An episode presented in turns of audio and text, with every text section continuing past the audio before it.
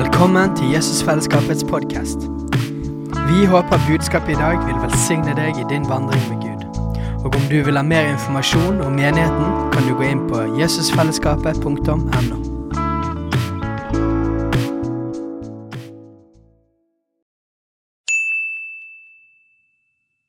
Hei! Visste du at Jesusfellesskapet starter en ny bibelskole til høsten? Den heter Jesusskolen og starter den 3. september. Gå inn på jesusskolen.no for mer informasjon. Er det noen flere av meg som har sånn en eh, bibelveske som bare blir mer og mer full? For eh, etter hvert som jeg ukene, månedene og årene går, eh, jeg skal liksom ha mer og mer ting inni der. Og bibelrutinen blir liksom større og større og større hele tida. Det, det er ikke alltid helt enkelt, alt jeg har lyst til å få til.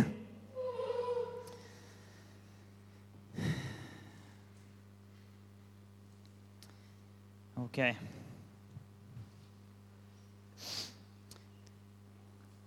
Jeg skal begynne med å ta dere med på en historie. Vi skal sørover i Europa. Vi skal til Moldova. Det var en gang jeg var i Moldova. Så hadde vi vært på misjonstur. Vi var ferdige, og så skulle vi hjem. Men flyet gikk eh, midt på natta hjem da, til Norge. Så eh, vi måtte ta taxi sånn i to-tida på natta, var det vel? Rundt der. Så eh, jeg husker jeg fikk en én time søvn, og så eh, var det oppe, og så kom taxien eh, utenfor huset der vi bodde. og så eh, To taxier, og så skulle han kjøre da, teamet som jeg leda, eh, skulle kjøre oss til flyplassen. Så eh, går halve time inn i den ene bilen, og så går jeg inn i den andre bilen. Og så begynner vi å kjøre. Kjører vi eh, på en sånn eh, hovedvei ganske tungt, for det var jo sånn i to-tida på natta. det her. Det er ganske tungt på veien. Um, og så plutselig så kjører sjåfør, begge sjåførene av hovedveien og inn i en sånn sidegate. Og der var det ikke lenger lys. Og så begynner jeg å tenke sånn Huleste, det her er ikke veien til flyplassen. Altså, Jeg skjønner at det her er ikke, det her er ikke hovedveien til flyplassen i hovedstaden i Moldova.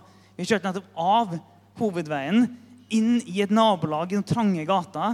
Ingen lys. Og så visste jo jeg at Moldova har et eh, gigaproblem med, med prostitusjon og trafficking og sånn. Hodet mitt begynte å spinne med en gang. vet du. Eh, så, så jeg bare sånn Shit, liksom, jeg må ikke si sånne ting. Ordet, det, det. Ja, eh, jeg bare tenkte Oi, hva skjer nå, liksom? Eh, så kjørte vi nedover en sånn gata. Jeg sitter i bilen, bare jenta og meg i bilen. Eh, så, kjører vi nedover en sånn bakke. Ned en sånn, sånn dump. Jeg så jo bare det som eh, bilen lyste opp. Det var liksom humpete, nesten som en traktorvei. Tu, tu, Nedover en sånn bakke. Ehm, og da kjente jeg at pulsen min begynte å gå opp. Jeg begynte så for meg det verste og tenkte ok, nå, nå Alf Kåre, nå må du være helt. tenkte jeg. Nå, nå må du bare bli Slippe ut alt det du har. Bli så voldelig du bare kan. tenkte jeg inni meg. Eh, så gjorde meg liksom klar sånn ned, nedover sånn, nedi en sånn dump.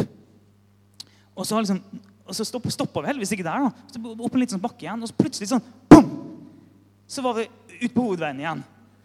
Jeg sånn, Hva skjer her, liksom? Så skjønte jeg da at eh, det var en snarvei eh, til flyplassen. Og jeg prøvde å spørre, for Da spurte jeg sjåføren. jeg spurte ikke han før det, da, Men da spurte jeg hvorfor kjørte vi der. Nei, det var snarvei, sa han. Han tenkte ikke mer over det, tydeligvis. Um, men jeg var jo så klar. Bare sånn, ah, hva er det her for noe? Um, men det er, det er et eksempel på eh, hvordan eh, en ikke alltid ser helt klart når eh, ting blir mørkt og litt uvant. Ehm, og vi kjørte, vi kjørte jo av den opplyste hovedveien. Bli med meg til Salme 119.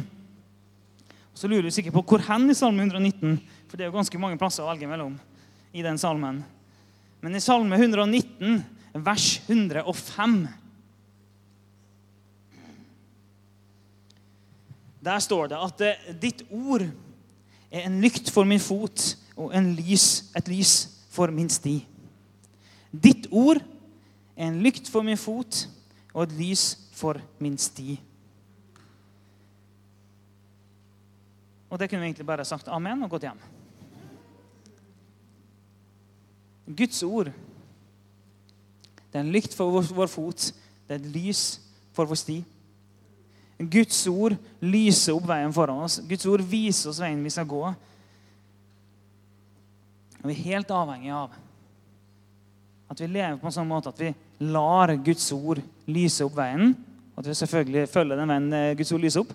Men vi må, må la Guds ord være vår lommelykt.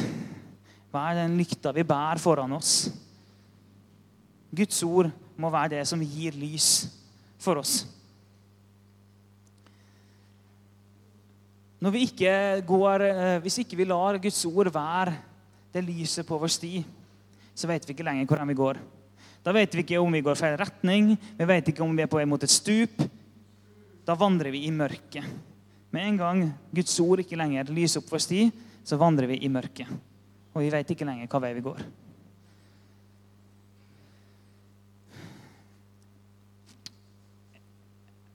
Er det noen som har uh, hørt uh, påstanden om at uh, det er min sannhet, og det er din sannhet? Det er sikkert noen som har hørt det. Sikkert noen som har hørt at ja, ja, men det, det er fint for deg. Det er din sannhet. Whatever floats your boat. Det, det er fint for deg. Jeg har min egen sannhet. Jeg las I går så, så jeg at det er en undersøkelse fra USA som, hadde, som viste det. Så kan jeg alltid ta med en liten klype salt, men det viser noen trender uansett. Og Der viser det seg at 39% av evangelikale pastorer eh, støtta påstanden om at det finnes ingen eh, moralske absolutte sannheter, og at ethvert menneske må finne sin egen sannhet.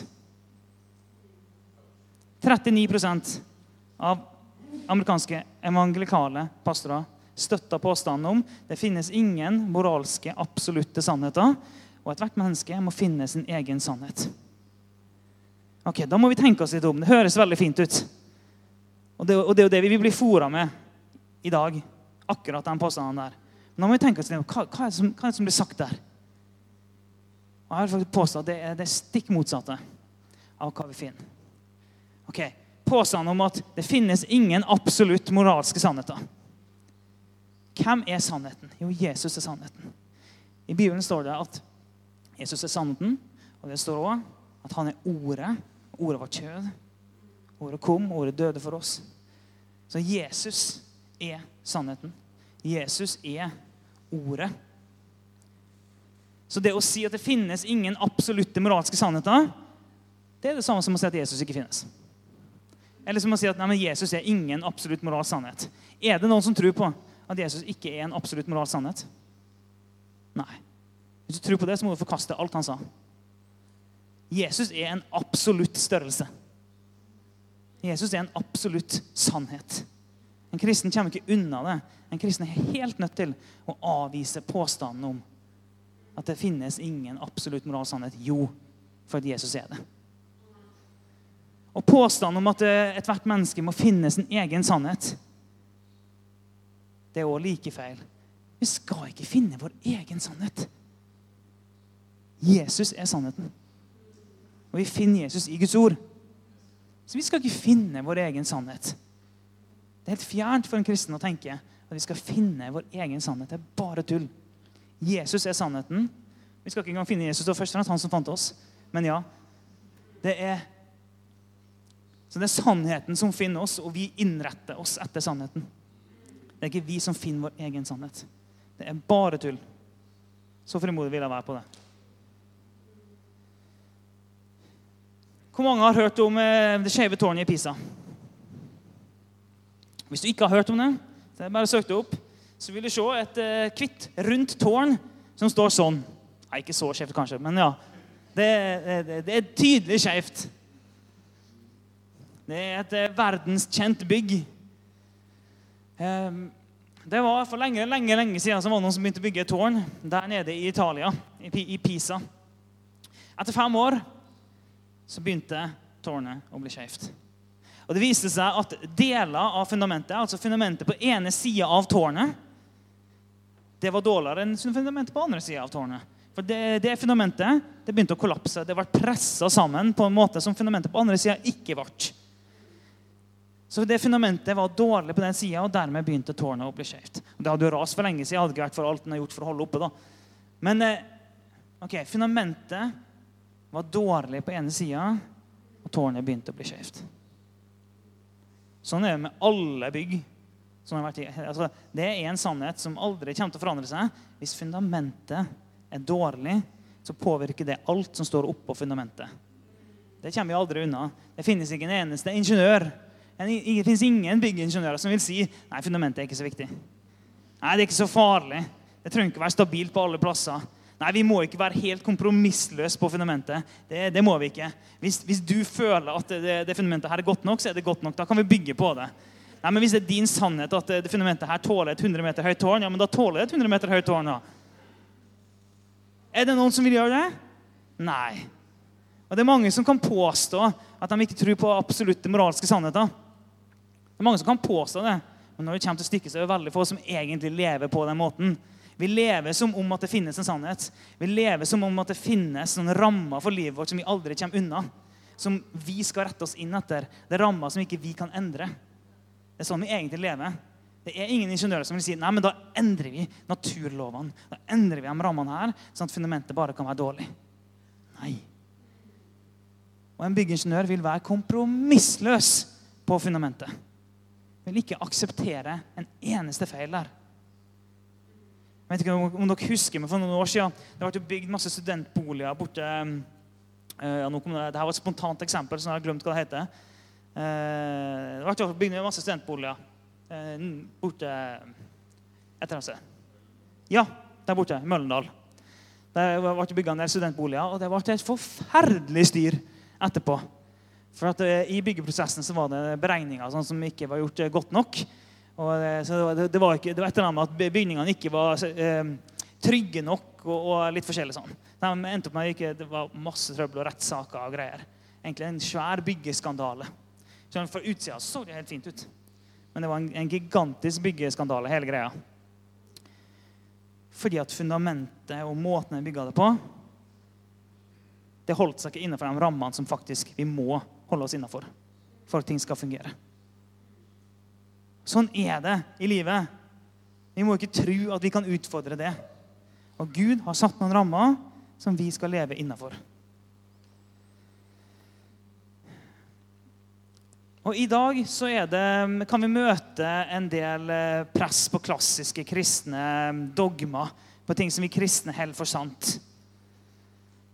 Og så skal ikke her, eh, hele denne eh, forkynnelsen handle om det, men vi, vi møter mange sånne ting. Uh, og det, det, som er mest oppe i dagen nå, er selvfølgelig sånn her uh, Finnes det mer enn en mann og en kvinne, og kjønn og trans og, og, alle mulige sånne saker? Det er det som er mest oppe akkurat nå. Og Hvis du har lyst på dypdykk i alt det der, så kan du bare høre på podkasten til meg og Steinar. Så kan vi ta en sånn reklame for den nå. Så hvis ikke du har fått med deg at jeg og Steinar har starta podkast, så har vi det. Uh, der vi går dypt inn i masse spennende saker. Så det, jeg anbefaler den. Men ok, så møter vi da en del press på, eh, på klassisk kristen lære. Om det er konkrete saker, som f.eks. at uh, en kan være det kjønnet en sjøl føler at en er, eller uh, at det ikke finnes noe sannhet osv. Så, videre. så kommer det en del press på det, og det er ganske mange kristne som aksepterer de her påstandene. Som jeg sa, 39% av evangelikale pastorer har liksom akseptert allerede så er det et utslag av at fundamentet ikke er solid. Er det et utslag av at den ikke er godt fundamentert, og den står planta der. Og Det kan være at den aldri var solid planta i det. Det kan være. Men det er også fordi at den gjerne ikke kjenner til det fundamentet. For du, Hvis du står et sted, men du forstår ikke hvorfor du står der du står, du forstår ikke hvorfor du mener det du mener, du vet ikke hvorfor det, det er sånn som det er, ja, da betyr ikke fundamentet noe for deg. Du må forstå hvorfor det er bygga sånn som det er bygga. Sånn. Og så må vi velge å holde fast med det som er Guds ord. om at til og med når vi ikke forstår ting, så velger vi å holde det her for mer sant enn det vi klarer å skjønne sjøl. Bli med meg til eh, Kolossebrevet, kapittel 2.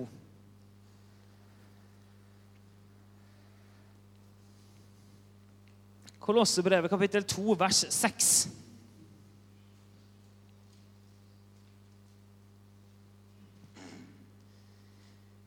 i vers 6, 7 og 8.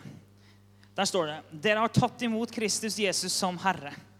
Lev da i ham, vær rotfestet i ham og bygd på ham. Hold fast ved den tro dere er opplært i, med overstrømmende takk til Gud. Pass på at ingen får fanget dere med visdomslære og tomt bedrag som stammer fra menneskelige overleveringer og grunnkreftene i verden, og ikke fra Kristus.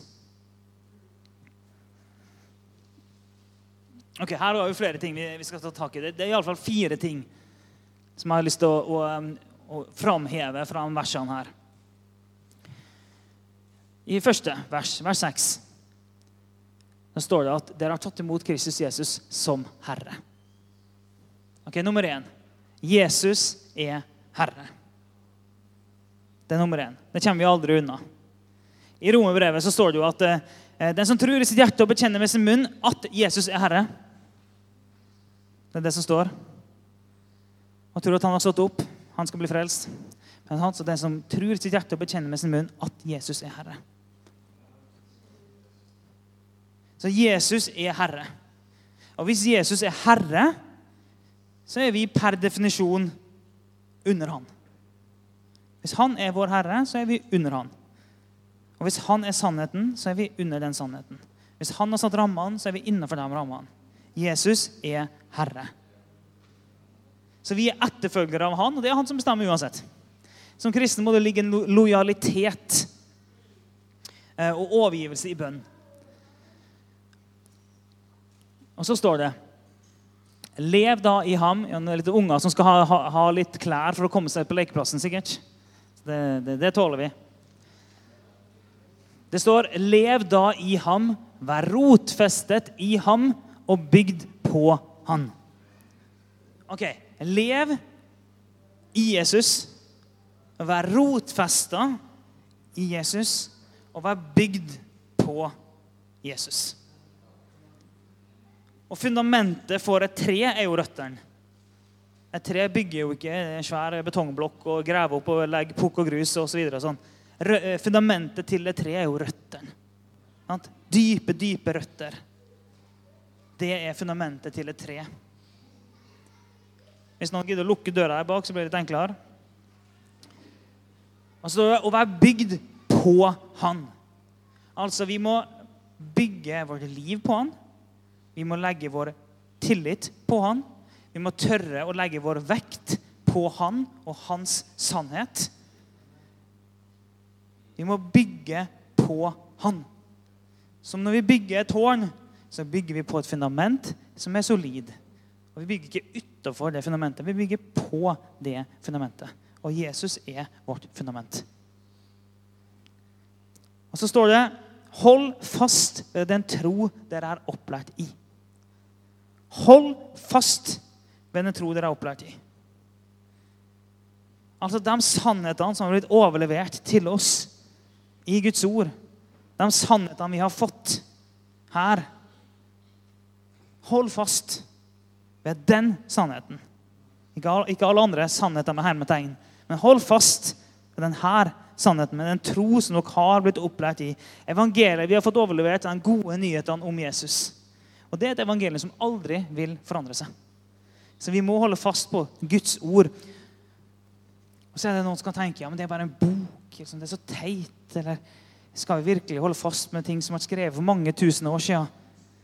Å ja, det kan være ting med det som er, kan være rart. Jeg har ikke noe problem med, å erkjenne det. Men som kristen kommer ikke unna at det er Guds ord til oss.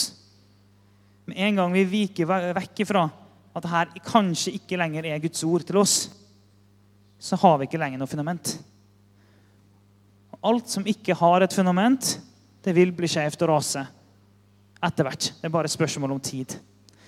Det finnes noen som velger et, en form for bibelsyn der de sier at uh, det her er ikke Guds ord, men uh, Guds ord finnes inni her. Altså, det finnes deler av det her som er Guds ord. Det er, eh, det er, det er menneskelig laga, men Guds åpenbaring finnes visse plasser inni her. Det er noe som jeg mener, For å ta dere gjennom en, en superforenkling av bibelsyn, så kan vi dele opp tre veldig kort. Det er den som mener at hele Bibelen er ufeilbarlig. Altså at ned til hvert minste komma, hver eneste påstand og hver eneste detalj så er det 100% korrekt. Det finnes absolutt ingen feil inni her uansett. Det, det, det, er, det er et klassisk syn på det, på Bibelen. Og så er det noen som mener at eh, ok, det, er ikke sikkert at Bibelen er rett i absolutt alle detaljer. Var det 100 000 i det slaget, eller var det kanskje 90 000 i det slaget? Sant? Men helt fast med at Bibelen er sann i hele sin intensjon. At om så ikke absolutt alle detaljer er riktige, så er likevel hele Bibelen Guds ord. Og, alt, og hele Bibelens intensjon er Guds ord til oss. Hele Bibelens budskap. Og så har du da det, det synet med at ja, ok, det er det er ikke alt, eh, det er ikke, hele Bibelen ikke Guds ord til oss, men Guds ord finnes visse plasser i Bibelen. Og så må vi finne ut hva er det som da er bare menneskelig, og hva er det da som er Guds ord. Og så vidt jeg kan bedømme, så nesten samtlige av dem jeg ser som velger det siste synet, med at um, Guds ord finnes inni her, men vi må finne ut hva det er. Så vi må, altså, vi må finne ut hva det er vi forkaster, og hva det er vi vil beholde. Alle som velger det, ender ut med at de vanner ut hele fundamentet på sikt. Jeg har aldri sett noen som klarer det. Å stå støtt over tid. Jeg har aldri sett det. Det kan, det kan høres utrolig fundamentalistisk ut når jeg sier sånne ting. Men det er helt greit. Jeg kan gjerne være fundamentalistisk på fundamentet. Det kan gjerne være. Enhver byggingeniør er, er utrolig fundamentalistisk. altså. Så det må vi tørre å være òg, med stor frimodighet. Ok, Siste del, siste del av de her versene her.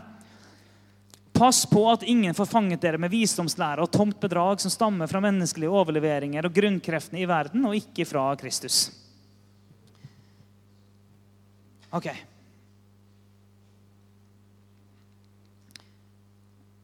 Det jeg begynte med å si, da, med at eh, min og din sannhet om at det finnes ingen absolutt moralske sannheter, og vi alle skal finne vår egen sannhet. Det er et eksempel på det som står her, om eh, visdomslære og tomt bedrag som stammer fra menneskelig overlevering av grunnkreftene i verden. Det er et eksempel på akkurat det der. Det er ikke fra Kristus. Så vi, vi, vi har en sånn advarsel. Pass på at ingen får fanga dere med sånn tull om at det ikke finnes noen sannhet. Pass på! Så går ikke vi rundt og er redd. For vi, går rundt og bare sørger for at vi står på fundamentet. Vi, vi er godt rotfesta her på Guds ord, i Jesus. Det er det vi har fokus på. Og Gjør vi det, så går det, går det veldig bra. Men vi må samtidig være, være, var for den verdenen vi lever i, og den påstanden som kommer inn. Så må vi avvise det som er så tydelig imot Guds ord. For det handler om hva briller vi ser verden med. Eh, hvor mange har prøvd å ta på seg, eller hvor mange er det her som har et godt syn? Eller som har, har på seg linser og har prøvd å ta på seg briller deretter? Er det noen som har prøvd det? Og har merka hvor utrolig utydelig verden blir? Og hvor du får vondt i hodet, og det blir veldig veldig vanskelig. Eh, tar du på deg briller, feil briller, så blir verden veldig utydelig. Tar du på deg riktige briller, så blir verden veldig tydelig. Og det er sånn at eh, Jeg bruker jo linser. Eh, tar jeg av meg linsa nå, eh, så, så, ser jeg ikke ansiktsuttrykkene til den som er bak. Så hvis ikke jeg har rette linser på, så ser jeg heller ikke en riktig representasjon av virkeligheten, av sannheten. Jeg ser ikke den som sitter der bakerst, og ansiktet. Jeg ser kanskje ikke engang hvem det er. Så jeg, ser, jeg, har en, jeg har ikke et korrekt bilde av virkeligheten hvis ikke jeg har riktige linser på. Og vi alle sammen vi har et verdensbilde, vi har en virkelighetsforståelse, en måte å forstå verden på. Vi har noen briller. Alle sammen har det. Det fins ingen som ikke har det. Alle har det. Så spørsmålet er bare hva briller er det du har på? Hva linser ser du verden gjennom? Hva er din virkelighetsforståelse? Og det er her vi ofte, Som regel så er vi mer påvirka av den verdenen vi lever i, enn det vi er påvirka av Guds ord. Så som regel så, så, ser vi verden mer gjennom brillene til det samfunnet vi er en del av, enn vi ser med bibelske briller. Og vi trenger å være klar over det og hele tida passe på at vi står på fundamentet, og vi har bibelske briller. Det trenger vi hele tida passe på. Og har vi bibelske briller på, så er det mange av de tingene som vi kan synes er vanskelig, som ikke lenger blir så vanskelig. Er det noen her som kanskje litt, noen gang, muligens, eh, i en lunsj på jobben har opplevd at det var et tema som kanskje var bitte litt ubehagelig å snakke om? Er det noen som har opplevd det noen gang? Bare sånn rent hypotetisk. Jeg spør for en venn.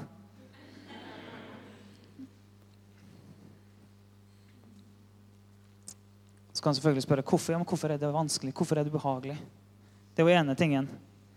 Men hvis vi vet hva vi tror på, hvis vi vet hvorfor vi står der vi står, hvis vi kjenner fundamentet, og vi ser med bibelske briller, så ser vi virkeligheten klart. Da kan vi ha frimodighet til å stå for det vi står for. Og vi, kan, og vi, og vi vil ha en evne til å forklare hva vi faktisk mener. Men da må vi se klart. Men hvis ikke vi har bibelske briller, så forstår vi ikke lenger hvorfor vi mener det vi mener. Det er veldig vanskelig å, forstå ting en ikke, det er veldig vanskelig å forklare ting en ikke forstår. Det er veldig vanskelig å beskrive noen ting en ikke kan se. Hvis jeg tar av meg linsene, så skal jeg stå her skal jeg prøve å beskrive ansiktsuttrykket til noen som sitter bakerst. Det er veldig vanskelig. Det blir ikke riktig. Og Hvis det skal sitte noen her og tegne det jeg da beskriver, den tegninga vil ikke ligne på den som sitter der bakerst.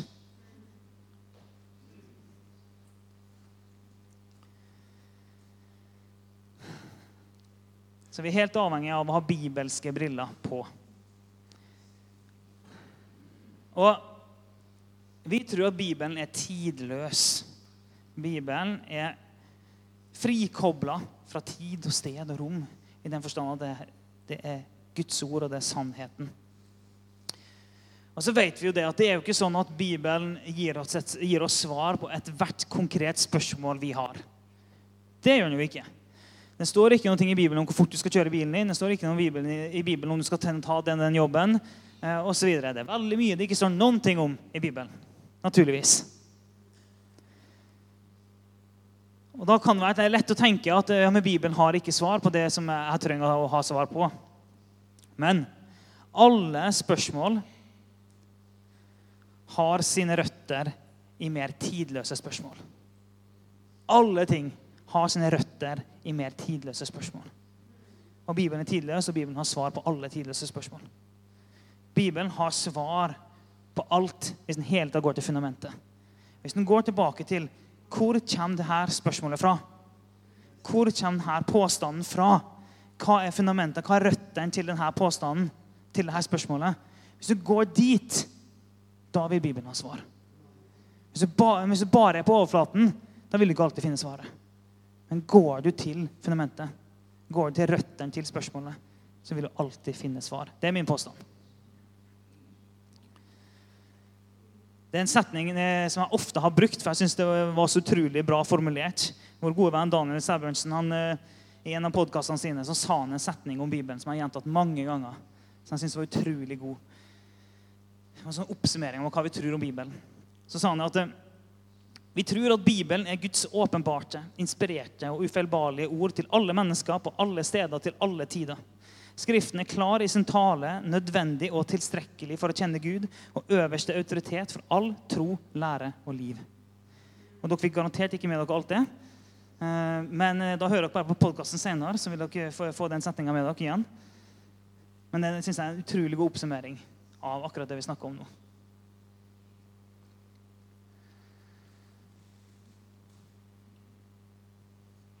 Ok, jeg sier det at Hvis du går til røttene så vil du finne bibelske svar.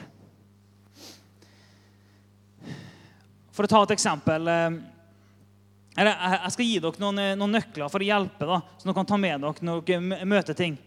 Fordi en ting som er veldig enkelt Ofte. Det er ikke alltid veldig enkelt, men det kan være veldig enkelt. Det er ok, Det kommer inn en påstand, så går det an å se.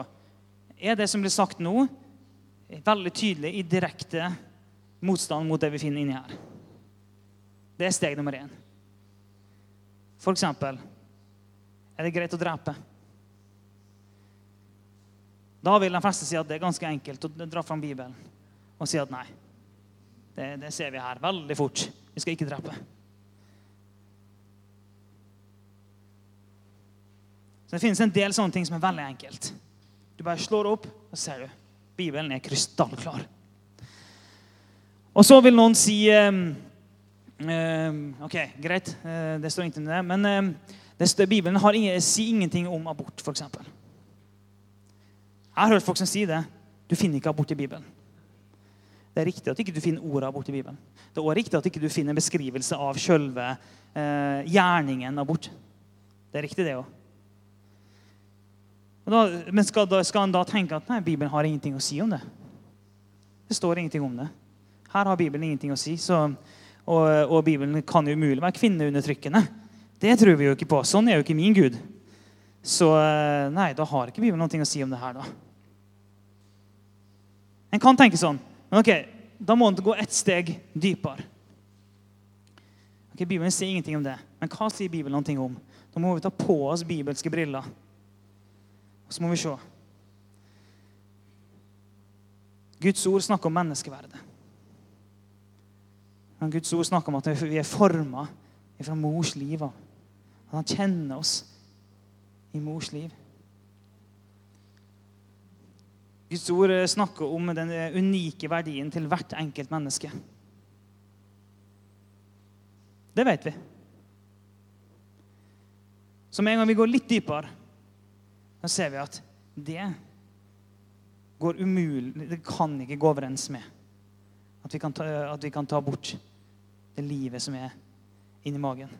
For oss er det en umulighet. For det, det, Bibelen er så tydelig på hvert enkelt menneske er skapt av Guds bilde. Og så øh, er det noen som sier ja, men det, det er ikke et eh, eller jeg om at For å forstå ting så må du gå til røttene av de spørsmålene og påstandene som kommer inn. Så kan vi for ta det som ofte blir sagt om at eh, ja, men barn i magen det, eller jeg sier ikke barn i magen, da, fosteret eller celleklumpen det er, det, det er ikke et menneske ennå. Noen vil si det. Og så er det noen som er litt mer redelige og sier at det er et biologisk menneske, men det er ikke en person ennå. Så det har ikke menneskeverd og rettigheter ennå. Noen som sier det.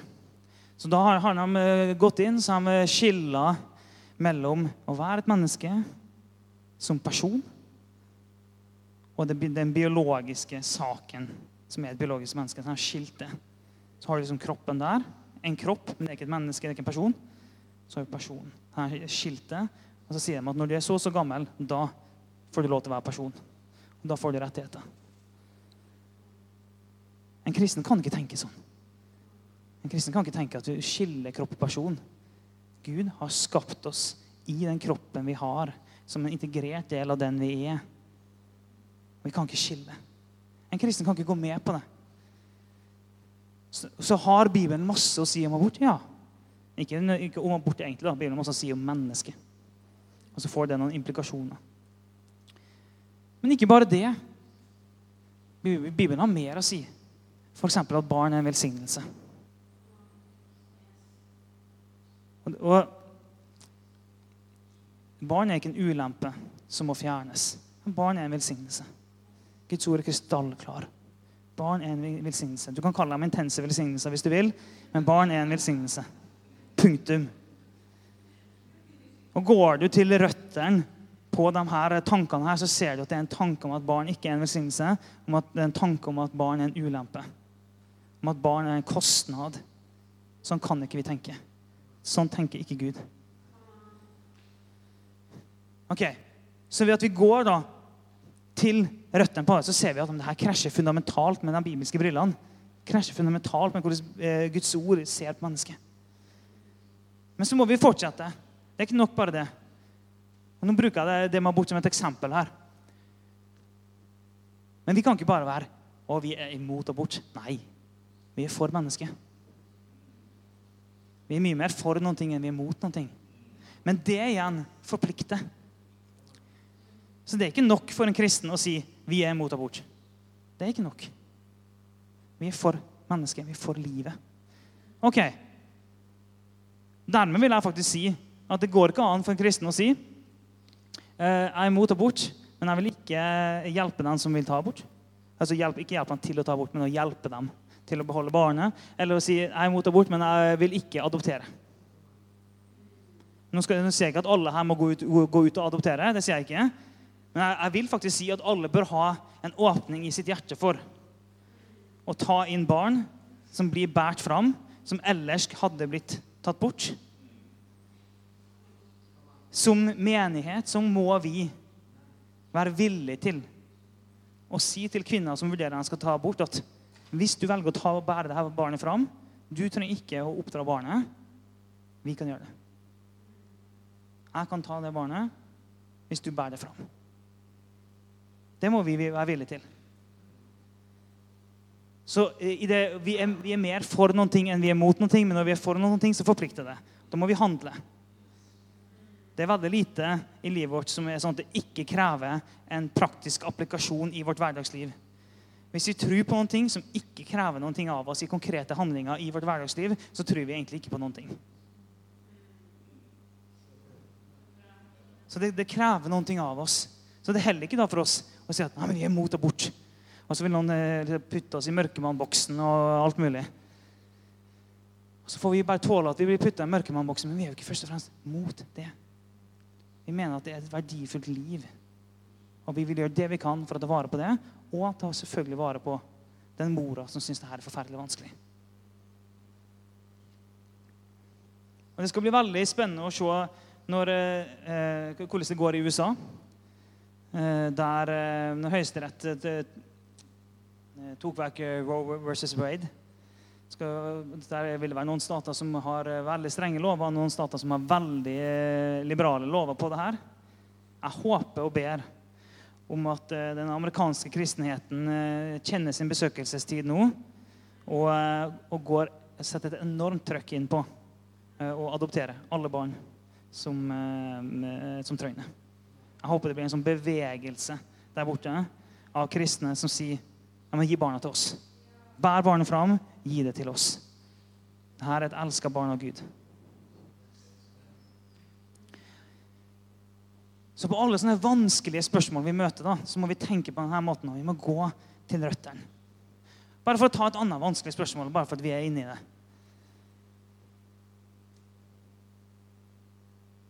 Vi kristne vi tror faktisk at ekteskapet er en institusjon innsatt av Gud mellom én mann og én kvinne. Det tror vi på.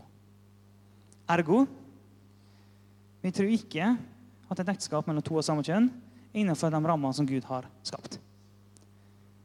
Og det må vi tørre å stå for. Vi skal ikke være mot noen. Vi skal ikke være noe hatefulle. Vi skal elske, men vi må tørre å stå for det. Og så har jeg f.eks. blitt møtt med da, eh, en, en, gang så opplevde jeg at noen som sa det at ja, men Bibelen eh, snakker nesten ingenting om slaveri.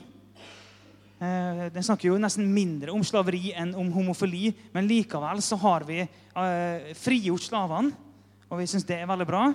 Eh, så hvorfor gjør vi ikke da det, det samme med, med, homofile? For at Bibelen sier så lite om det. For eksempel, jeg, har, jeg har hørt noen si det. ok, så kan vi tenke da, Hvis vi begynner på steg én, så kan vi, kan vi gå til Bibelen. Okay, hva, hva, sier Bibelen? Bibelen eh, det, det, er riktig at det ikke er hundrevis av vers om det, men det finnes nok vers, og de er krystallklare egentlig, hvis man bare går inn og ser på dem. Men greit nok, da. Det er steg én. Så går vi, går vi litt dypere. Og så går vi og ser på en påstand da, om at eh, ja, men eh, Bibelen sier ingenting om slaver. og dem, vi, vi satte jo dem fri, så hvorfor kan vi ikke sette alle, alle mennesker fri? For det første så har, hvis du går dypere, så har egentlig Bibelen veldig mye å si om menneske, menneskeverdet, om at mennesket er fri, at mennesket ikke skal være under andre på den måten. Bibelen har et ganske tydelig budskap i seg, et frigjørende budskap. Som det var veldig enkelt for den som kjemper mot slaveri, å, ta. Det er ganske tydelig budskap, i en rød tråd i Bibelen på det. Og så er det sant at det ikke finnes, sånn, det finnes ikke hundrevis av bibelvers som sier at homofili er synd. Det er riktig, det. Men det Bibelen er full av, det er bildet av brud og brudgom. Bibelen er full av bilder om ekteskap, om pakt, om brud og brudgom. Bibelen er gjennomsyra av det. Så med en gang vi tar bibelske briller på, så ser vi at Guds vilje fra dag én, det er pakt, og det er brud og brudgom. Men da må vi ta på oss de bibelske brillene for å se det. Og igjen, det er ikke sånn at vi er mot folk. Men vi tror at Gud har skapt en ramme. Vi tror at han har skapt et fundament som vi er nødt til å stå på. Og vi tror at han er herre, og ikke vi. Han har skapt noen rammer som det er godt for oss å være innenfor. Så skal ikke vi være mot noen, men vi skal være for det som han har skapt. Så sånn må vi tenke om ethvert spørsmål som reiser seg. Ok, Har Bibelen noe veldig enkelt og konkret å si om det? Ja, av og til har Bibelen det. Og så må vi si, Hvor kommer dette spørsmålet fra? Gå til røttene på det. Hva slags briller den, den som sier det her, hva slags briller ser de verden gjennom? Og så må vi ta på oss, eller Helst ikke bare ta på oss bibelske briller, helst ha den på så mye som mulig. Så må vi se på det gjennom bibelske briller. Men hva sier Bibelen? Hvordan er virkelighetsforståelsen til Bibelen? Og så må vi tenke hva praktiske konsekvenser får det for mitt liv? Hvordan forplikter det meg i møte med det her? Og For en kristen så vil jeg si, det, det, når det gjelder abort, som jeg sa, det forplikter oss til å være villig til å adoptere barn. For eksempel. Så hver gang det er ting som du syns er vanskelig, hvis du syns det er vanskelig å stå opp for ting, hvis du, du føler at du blir eh, eh litt hausa på, på jobben og sånn, så ta med deg det. OK. Gå gjennom på den måten. Hva har Bibelen å si? Prøv å se det gjennom bibelske briller. Få hjelp av andre hvis du trenger det. Og så er jeg helt overbevist om at når du gjør det, så vil du kjenne at det roer seg. Du vil kjenne at du lander, du vil kjenne at du lander på noe solid. Fordi du har funnet et fundament. Da kan du stå der. Der, det, der, kan du stå, der er det trygt å stå, der er det godt å stå, der er det solid å stå. Men, men så lenge vi ikke står der, og vi kjenner at det blåser litt, så blir det litt vanskelig. Vi mister balansen, vi vet ikke hvor vi skal tråkke. Vi har ikke, det er mørkt, vi har ikke lenger en, en lys på vår sti. Vi vet ikke hvor vi skal gå. Vi ser ikke klart. Vi har på oss feil briller, så virkeligheten er ikke klar for oss. Det vi ser, er ikke det som egentlig er sant. Så vi må være kompromissløse på Vi må være fundamentalistiske på fundamentet. Og vi må hele tida tenke at det her må lyse opp vår vei. Og Jesus er vår Herre, og vi følger ham. Amen. Hei, alle sammen. Det er Katrine og Steinar Lofnes her. Vi er hovedledere for Jesusfellesskapet. Så kjekt du har lyttet til denne podkasten. Har du forresten hørt noen av de andre podkastene våre? Ukens tale, Disippelskolen, Hyrdepodden, Kulturkrigen og Mammas hjerte. Du finner disse podkastene på Spotify, Apple Podkaster og på nettsiden vår jesusfellesskapet.no.